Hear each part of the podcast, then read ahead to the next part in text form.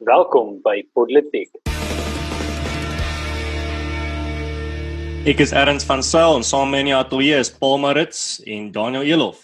En in vandag se episode, kwarantyne word uitgerek, nog 'n onnodige besteding oopgevlek en Bernie onttrek. Nou ja, kerels, ons het so baie moeite gedoen om my reënpie te laat reën. Uh ons moet uh hopelik net sinvolle stories by dit aanhak. Daniel, uh ons hoor toe dat ons nie donderdag aand as politiek span saam 'n bier gaan kan drink nie, maar dat ons dalk so 'n bietjie langer daarvoor moet wag. Ja, soos wat ons op politiek eintlik vir 'n 'n lang tyd voorspel het gaan gebeur is die uh uh inperkingstyd per toe nou verder uitgebrei. Uh ons het al gedink dit gaan gebeur. Dit was wat wel verbaasend was is hoe vroeg dit aangekondig is. Ek moet sê ek het verwag dat ons eers omtrent net die week voor, wel die week van wat dit sou eindig uh van Ramaphosa se hoor en hy het dit baie vroeg aangekondig wat vir my redelik interessant is. Ehm um, maar ja, dit ons het nou gehoor dat die vir die inperkingstydperk word met 2 weke verleng en die die onderhandelinge is nou juist besig tussen al die verskillende belangegroepe. Uh, ons hoor dat byvoorbeeld drankwinkels wil weer oopmaak. Ons hoor dat baie van die kitskos restaurante besig is om om uh, hulle versoeke te rig dat hulle kan ten minste wegneem kos vir mense bedien net om die ekonomie aan die een kant bietjie aan te hou aan die gang te hou en om net die lewe bietjie weer normaal te maak en dat dinge net normaliseer. So dit is wat ons toe nou ek dink dis die die grootste nuus storie van die afgelope week is hierdie verlenging. Ons sien dis ook 'n uh, tendens wat oor see besig is om te gebeur. Ons weet Indië het hulle uh, inperkingstydperk verleng. Ons het gesien dat Nederland het hulle sin ook langer verleng. Die afspraak is hulle inperkings bietjie anders as ons sin maar dit is maar die die die ehm um, algemene tendens wat ons gesien het. Ja, so ehm um, paar interessante goeters natuurlik. Ek ek weet Daniel nou dat jy daaroor praat, jy's ook die die kwessie van hardeware winkels want as jy 'n noodsaaklike diens doen, dan sê die wet dat jy moet uh, dat dit wat jy nodig het om jou noodsaaklike diens te doen, moet ook as 'n noodsaaklike diens beskou word, maar byvoorbeeld as daar ingebreek word by jou huis of waar word 'n venster word gebreek en jy weet jy moet beskerm word sekerlik. So ja, oor daai het ons dan nou 'n klomp uh, regsopinies wat wat opgetrek word. Uh, ek het vanoggend 'n baie interessante artikel gelees uh, onder leiding van die uh, soort van nasionale krisiskomitee as mens nou amper so van kan sê. Uh, en iets wat hulle sê is hulle hak baie vas by die syfer van 45 nuwe gevalle per dag. So op hierdie stadium ehm um, as ons tussen 45 en 89 nuwe gevalle per dag beweeg, um, dan jy weet as 'n mens soort van min of meer op 'n standaard traject. As ons onder 45 is, dan gaan hulle die die inperking so bietjie verlig oor oor 2 weke. My vraag is nou wat as dit nie gebeur nie?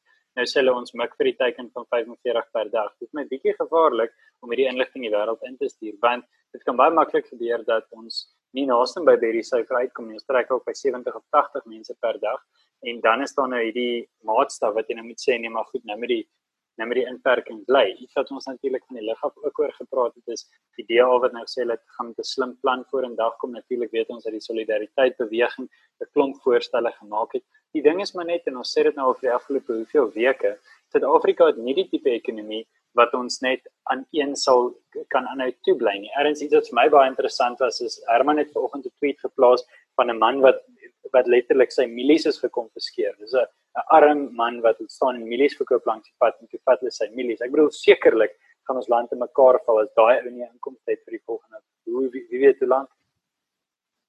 Ja, uh, wie weet, uh, miskien was daai milies die bron van COVID-19.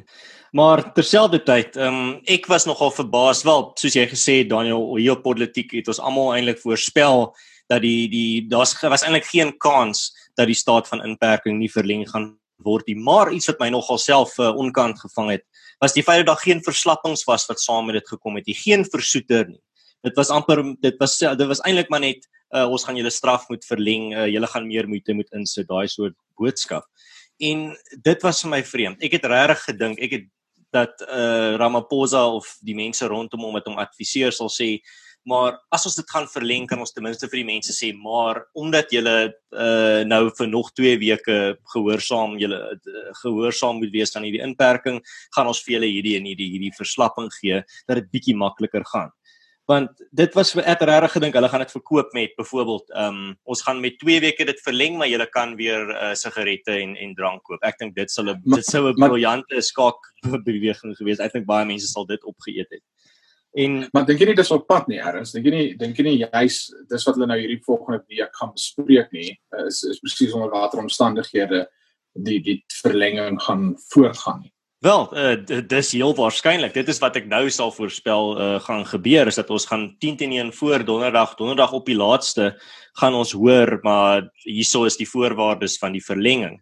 Want uh soos wat iets wat ek anderstuk wou bygesê het is ons kan nie regtig hierdie verder verleng in terme van ek kan nog verstaan dat hulle met 2 weke dit verleng hulle dat dat mense nog steeds daarmee saamgaan. Maar daarna gaan ons in 'n in 'n posisie wees waar die regering net fisies nie dit kan verleng nie, nie net weens die ekonomiese effekte nie, mm.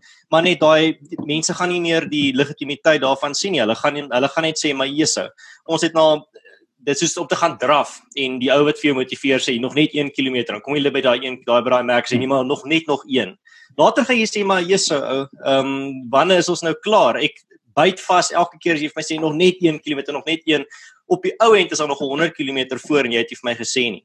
Eendag van die tyd gaan mense net begin vra of sê, maar wat hierdie ons ons offer heeltyd ons tyd, ons geld, ons groot dele van ons lewens op vir die regering. Ons doen wat hulle sê, ons gehoorsaam hulle, maar elke keer word ons net gestraf met 'n verdere verlenging. Wat stop die regering om hierdie nie te aanhou net verleng vir nog maande in die toekoms nie? En dan later gaan mense net nie meer omgee nie. Dis wat ek voorstel. Mm. Ek het 'n interessante ehm um, stel grafieke gesien. Ek weet nie waar dit vandaan kom nie. Ek, ek daar's 'n logoetjie wat sê HT aan die bokant van die grafiek gewees maar wat dit basies uiteensit is dit sit vier verskillende scenario's uiteen en dan met 'n infeksiekoers. Die in die vier scenario's is uh vier verskillende soorte inperkings. En dan die die een inperking is nou die inperking van 21 dae waarin ons op die oomblik nog is en wat later die week gaan stop.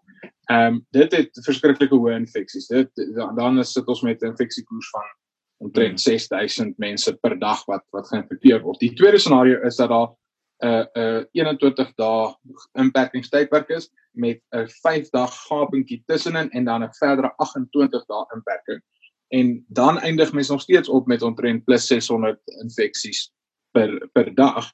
Dit lyk asof die een daar's dan twee ander wat sê daar's 3 inperkingstydperke wat elkeen omtrent 3 weke met 'n gaping van 'n week, 3 weke met 'n gaping van 'n week, 3 weke is dan uh, kan sommer sê die kurwe word plat hier teen Junie, Julie se kant. En dan interessant die die scenario wat lyk my die beste effek het om 'n kurwe plat te maak is wat hulle na verwys as 'n 49 dae uh, inperkingstydperk wat sorg dat in die middel van Mei uh, is daar geen meer infeksiekoers nie of baie baie min, mens kan dit dan op jou een hand aan tel. Nou ek is net bekommerd dat hierdie is inligting wat die regering kry en dat hulle dink wel hierdie 49 dae inperkingstydperk is 'n blink plan vir hulle want teen middel Mei dan is die virus opgelos maar aan die ander kant dan teen middel Mei is Suid-Afrika se reeds baie kwesbare uh, ekonomie absoluut in daai gestop. So ja. Daniel, ek het presies daai grafiek gesien. 'n Interessante ding wat jy sal sien, ek nou jammer vir ons luisteraars, ons sal kyk of ons dit ons sal dit sommer daai grafieke op Twitter post. Ek ek het hulle. Maar die interessante ding wel van daai vierde scenario is hy sê ek dink 49 dae wat die totale inperking moet wees. Nou ons gaan 35 dae wees wat nie totaal baie ver af af is nie. Maar die interessante ding is hy sê nie noodwendig daar hoe vinnig die kurwe weer gaan opskiet daarna nie. So hulle maak die aanname dat natuurlik jy gaan al die mense wat dit het, het dit binne in hulle huise en dit woed uit. Maar waar die ander drie grafieke soort van vir jou wys hoe jy dan nou weer as as jy nou weer oopmaak en weer dit gaan opskiet dan is daar 'n bietjie onsekerheid. En die vraag is dis 'n geldige punt. Nou maak 'n mens vir 7 weke toe en dan het jy regtig jy vat hierdie massiewe knou, jy weet daai ding wat jy amper sê, ek sny my arm af en dan is dit nou verby. Dan is dit nou klaar, ek het nou jy weet ek het my skuld betaal en dis dan nou so en dan is dit nie eintlik so nie. Dis die probleem. Ek mm. ek weet eerlikwaar nie of enige van daai scenario's realisties is vir Suid-Afrika as iemand ons gaan ons hele ekonomie vernietig. En verder as dit, Erns het laasweek oor gepraat, maar ek begin dit nou raak sien is depressie. Dit ons het nou vanoggend het ons onder ons gepraat oor uh, Gwen Gwenya wat 'n verskriklik nihilistiese opmerking gemaak het op Twitter dat niks maak regtig saak nie. En die probleem is ja, niemand se lewe het regtig waarde niks maak regtig saak nie. Ja, die ding is nou ons begin by klein kindertjies wat ek net binne in my familie praat. Die kindertjies sê nie ag hulle wil nie meer speel nie, hulle wil net lê en slaap. Dis die eerste, jy weet, teken dat mense kort stimulasie, mense moet uitgaan en ouers gaan op 'n punt kom met hulle gaan besluit luister die skrif vir die lockdown as my kind nie nou op die blok gaan hardloop nie gaan gaan ek dit jy weet ek gaan dit verloor. So hmm. dis mm. al hierdie goed mens kort natuurlik ordentlike scenario scenario beplanning maar ehm um, ek ek dink maar net dit dit dit gaan dit ongelukkig is on nie vir ons ideale model nie want niemand het al geen land het al ooit regtig presies die hmm. situasie gesit Ja, iets wat net vir my vreemd is en ons het nou vroeër daaroor gepraat is hierdie idee van as ons 'n sekere hoeveelheid infeksies kry, dan gaan ons die lockdown moet verleng. Maar ons begin nou eintlik eers behoorlik toets. So ons gaan natuurlik meer infeksies registreer in die volgende paar weke want ons het iets nog net so 'n paar duisend toetse gedoen in vergelyking met ander lande wat al honderde duisende toetse gedoen het. So ek dink regtig nie dit is 'n baie 'n slim of 'n uh, wyse maatstaf om te kan sê of ons gaan aanhou met die met die staat van inperking of nie, want ons begin nou eintlik eers behoorlik toets. So natuurlik gaan die getalle toeneem. Ehm um, maar dan ook terselfdertyd iets wat vir my baie pla is die feit dat en ek dink dit is definitief wat ons nou gaan begin sien is 'n uh, 'n mengsel van uh, soos ons nou gesê het hierdie die 'n uh, binnenshuise depressie hierdie van mense wat net moeg is en lui is en slaap. Ek bedoel ek kan self persoonlik praat daarvan dat ek het nie daai selfde energie deur die dag soos wat ek altyd het as ek deur my gewone rotine van werk toe gaan gym en alles het nie. Sonder daai rotine van my is my is elke dag maar net 'n dag volgens my interne klok. So ek moet ekstra moeite insit om regtig daai selfe vlak van energie en passie te kry wat ek gewoonlik het. En ek dink baie mense is in dieselfde of in erger posisies waar dit is nie natuurlik vir mense om heeldag in 'n grot te sit nie. En dit is wat jou huis of jou woonstel waar ook al jy nou vassit is. Is jy is nie buite nie, jy's nie besig om iets te doen wat regtig vir jou stimuleer nie.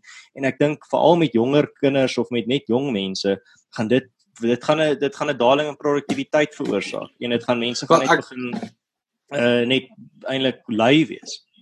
Wel ek kan net vir julle sê ons ons bly hier ehm um, teen teen 'n reservaat, 'n natuurreservaat is ons grens aan die agterkant van ons huis en ons het nou vir die eerste ruk het ons glad nie uitgegaan nie want dit die regering het gesê ons moenie en ons het binne gebly alhoewel dit letterlik hektars, duisende hektars oop stuk grond is uh, teen die agterkant van ons huis. En ek en my vrou het gister met ons honde gaan gaan stap hier in die berg. En ek kan nie vir julle sê hoe ongelooflik goed dit my laat voel het die toe nou daai dag en en vandag nie net oordat ek, ek 'n bietjie uitgekom het en vars lig gekry het. Kon bietjie uitkyk oor die stad se uitsig net bietjie in die son wees. Net bietjie 'n nuwe omgewing is wat jy eintlik sê. Presies presies en en en die punt is meeste mense het nie die luxe uit nie. Meeste mense bly nie langs 'n reservaat dat hulle net buite kan gaan nie. Uh, Inteendeel klomp mense bly in in stede waar sodra die polisie sien jy's net besig om buite met jou honde te stap en jaag hulle jou dadelik huis toe of hulle probeer jou arresteer. Ehm um, dis die dis die verskriklike ding en ek kan 100% verstaan hoekom mense uh ehm um, so regtig te neergedruk voel in hierdie tyd en depressief voel. En dis mense wat ek dink oor die algemeen nie noodwendig neigings het om depressief te voel nie. Dis dis ja. gewone happy go lucky mense oor die algemeen. Ehm um, dit is net regtig ek ek dink is dis dis ons praat nog heeltyd van ons verlede week in episode bespreek die die gesondheids ehm um, gevolge van hierdie ding teenoor die ekonomiese gevolge maar ek dink ons het regtig al behoorlik aan die sosiologiese, emosionele en en sielkundige effekte hmm. hiervan op die hele land se. Ek wil ja, uh, dis is ek sê, soos uh is 'n goeie punt wat jy daar maak van mense wat nie eers 'n neiging tot dit het nie wat nou al die effekte voel. Ek bedoel ek hmm. ek het nog nooit regtig behoorlike depressie in my lewe ooit 'n episode daarvan gehad of depressief gevoel nie, maar ek begin al van daai simptome kry van daai moegheid, daai daai minder dryf, minder uh minder waar jy kry nie meer dieselfde uh stimulasie uit die dag uit nie. Dit daai dit begin insak en ek dink as dit met my gebeur gaan dit met baie uh baie mense rondom my ook begin gebeur en ek kan dink dat dit is 'n baie gevaarlike sielkundige water waarin ons nou in beweeg. Ja, ja verseker.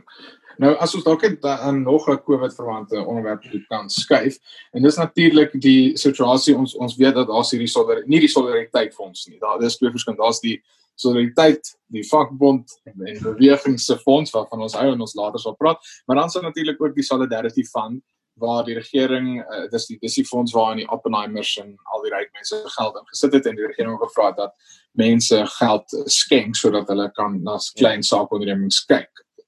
Ja nou uh, goed, ek, ek moet begin deur weet deur eerlik te wees oor oor wat wat aangaan en hoe die saak staan. Dit is so dat dat op, op in terme van statistiek in Suid-Afrika goed. Ons was weet ons skuif regtig baie af in terme van uh lande met met sterftes in die sin dat baie lande ons verbyvat van die ander lande wat op 2300 gevalle staan soos Suid-Afrika het almal anders regtig baie baie hoër sterftesyfers. Nou dit kan as gevolg van 'n klomp goed wees en ons 'n klomp analises aanlyn, maar laat ons begin deur te sê dit lyk daarom asof die bietjie van die situasie wat ons het, alright hanteer word. Ons weet natuurlik ons toetsing is nie naaste by waar Duitsland en Noorwe en die lande is nie, maar ons weet ons vat dit ons kan kry ten minste in die geval. Ek wil wel sê en dis nou Daniel wat jy inlei. Die verskriklikste ding is dis om te gebeur. Jy weet jy hoor elke dag hoe groot maatskappye se direksie 'n 30% salaris hike vat sodat hulle kan geld bydra vir die Solidarity Fund, uh, die COVID-19 fonds van die regering. En toe vind ons hierdie interessante stukkie nuus. Ehm um, natuurlik is hierdie geld gebruik vir welsynstipe kwessies en 48000 konversies is daardeur gekoop. Ehm um, en toe lees ek 'n storie wat baie interessant vir my sê dat hierdie konversies verkoop is teen R350 tot R600. So dis die prysklas waarin konversies verkoop is vir arm kinders. Nou ek het ek het onlangs het ek getrek, ek kan vir julle sê vir R350 kan jy die fancy schmancyste kombers jy weet by een van 'n dierwinkel vir jou gaan koop. Dit is nie wat 'n gewone konversie kos waarmee jy self sommer 'n koningrootte een. Koningrootte presies. So wat wat is die wat is die logiese gevolgtrekking en ongelukkig wat nou meer en meer bevestig word vir ons, hoe meer hierdie storie oopgevlek word? Daar was tenderbedrog, die ordentlike prosedures is nie gevolg nie, want ek kan niemand aankla van bedrog nie, want jy weet dit is nou 'n amptelike aanklag. Maar wat dit vir ons lyk as om te gebeur na bewering, lyk dit vir ons asof gewone konversies gegee is, maar die persoon wat hierdie tender gegee het of uitgedeel het of wat ook al, het nie ordentlik, jy weet, nagegaan nie. En soos wat in Suid-Afrika gebeur is, 'n klomp geld uit hierdie solidarity fund uit, uit mense wat hulle geld vir goeie redes gegee het vir die land terug in kaders van die ANC se sakke. Hoe hartseer is dit? Ek bedoel ons kan dan nou kerm oor die ANC want hulle is lelik met ons, maar ons kan ander planne maak. Hulle het hierso letterlik hawelose kinders uh het hulle benadeel om hulle self ryk te maak in 'n krisistyd soos hierdie. Wat sê dit van ons regering? Is dit regtig ewen nodig om verder te praat? Dit maak 'n mens woedend man. Ja, en dit wys ook maar net so dat selfs in 'n krisis gaan ons nog steeds mense in beheer hê wat nog steeds hulle hulle hand in die pot sal druk en bietjie vir hulle self wat is regtig 'n uh, mismoedige goed daai. Ja. Maar terselfdertyd ook ehm um, ek dink wat wel miskien bietjie van 'n blink aan bo is, ons gaan nou-nou daaroor gesels, is uh teen kom ons kom ek stel dit so. Ten spyte van die regering doen Suid-Afrika nog steeds uh alright met uh ondersteuning wat ons vir mekaar bied want uh daar's byvoorbeeld die solidariteit noodfonds wat ongelooflike ding reg gekry die afgelope paar weke en ons gaan later in die episode daaroor praat. So eintlik my punt is maar net die die samelewing is besig om vir my soos wat die regering vir my bietjie uh mismoedig maak is die is die samelewing rondom my weer besig om my gemoed bietjie weer op te tel. Want ek sien 'n paar wonderlike goed rondom my gebeur. Ek sien mense wat regtig uit hulle pad het gaan om ander mense te help en mense wat uit uit die goedheid van hulle hart ander mense help, nie omdat hulle enigiets daai kan kry nie. En dit is eintlik waarop ek nou waar meer waarop ek fokus in die afgelope tyd. So by my boodskap is eintlik ten spyte van die regering uh doen ons nie nie te sleg ek ek stem met jou 100% saam Erns dis dis ook weer eens wat ons so twee weke terug in die episode bespreek het in in hierdie krisistye eerstens verander die wêreld besonder baie en baie keer uh, in 'n positiewe rigting en dit laat mens weer dink ek met dankbare harte leef en en besef uh ons ek dink mense is vir baie lank in 'n gemaksone en hierdie almoes 'n bietjie uit daai gemaksone uit buite jou rotine en uh mense mense leef met 'n bietjie meer dankbaarheid, mense help bietjie meer mense om jou meer. En uh, dit is dit is natuurlik wonderlik om te sien wat ons sit in in 'n absolute krisistyd op die oomblik. As ons dalk uh meneere ons oë bietjie oor die Atlantiese Oseaan uh, kan gooi en kan gaan kyk wat het toe nou dis 'n lekker om bietjie oor 'n nuus gebeur te praat wat nie noodwendig direk verwant hou met koronavirus nie. Hmm. So uh, iets wat nou hier gebeur het daar in Amerika, ek bedoel hulle is in 'n verkiesingsjaar. Uh, gewoonlik sou dit heeltemal die nuus oorheers het, uh, maar nou het die die virus bietjie van daai uh, van die die die die lig weggevat van hulle af. Maar uh, iets interessant wat daar gebeur het in Amerika is dat uh, Bernie Sanders, die spesialistiese kandidaat vir die Demokrate, het nou gesê hy gaan sy ehm um, sy veld tog staak om president te word en hy het toe vir Joe Biden uh geendorse in terme van gesê maar ek ondersteun vir hom en ek gaan al my ondersteuner agter hom nou ingooi. En dis net vir my baie snaaks. Die die feit dat Bernie Sanders se hele hele veld tog was gebou op die boodskap dat hy is in sy eie woorde die anti-establishment kandidaat. Ja, hy gaan teen die die die gesag gaan. Hy gaan teen die die groter uh toukie trekkers gaan en hy gaan 'n man van die mense wees en hy gaan luister na die gewone persoon. En dan vir die, nou vir die tweede verkiesingsveld tog in 'n ry of verkiesingssiklus in 'n ry het hy maar nou net die uh sy ondersteuning gegooi agter die die die establishment kandidaat uh, as jy dit nou maar so kan noem. Hy het dit met Hillary Clinton gedoen in die vorige verkiesing en nou het hy dit met Joe Biden gedoen. Dis net vir my ek sal nogal skaam myself skaam gevoel het as ek 'n soos 'n passievolle Bernie ondersteuner was om te sien hoe my ek gaan nie my geld terugkry nie en nou hoe die ou net uh, my eintlik so vir 'n pop gevat het.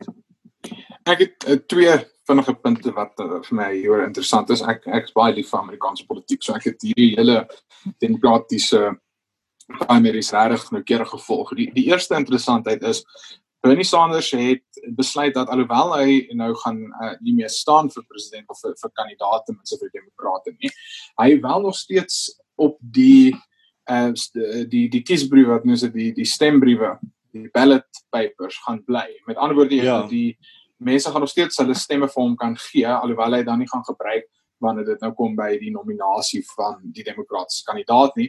En die rede hoekom hy sê is hy sê hy wil sorg dat daar 'n platform is binne die demokratiese party waarvan waarop hulle kan bou. So met ander woorde, ek dink hy wil sê kyk net ek het uh, eh, 30% van die stemme gekry, lekker flex en dus uh uh behoort julle X Y en Z sosialistiese beleide aan te neem. So dis dis die eerste interessante ding. Uh, dan natuurlik ons weet Bernie Sanders is 'n absolute sosialis. Hy's nie eintlik 'n demokraat nog van altyd gewees nie, maar met die demokrate wat hulle deure al weier oopmaak vir hierdie tipe sosialiste en kommuniste, kommuniste dit nou 'n lekker tuiste geword meneer Sanders.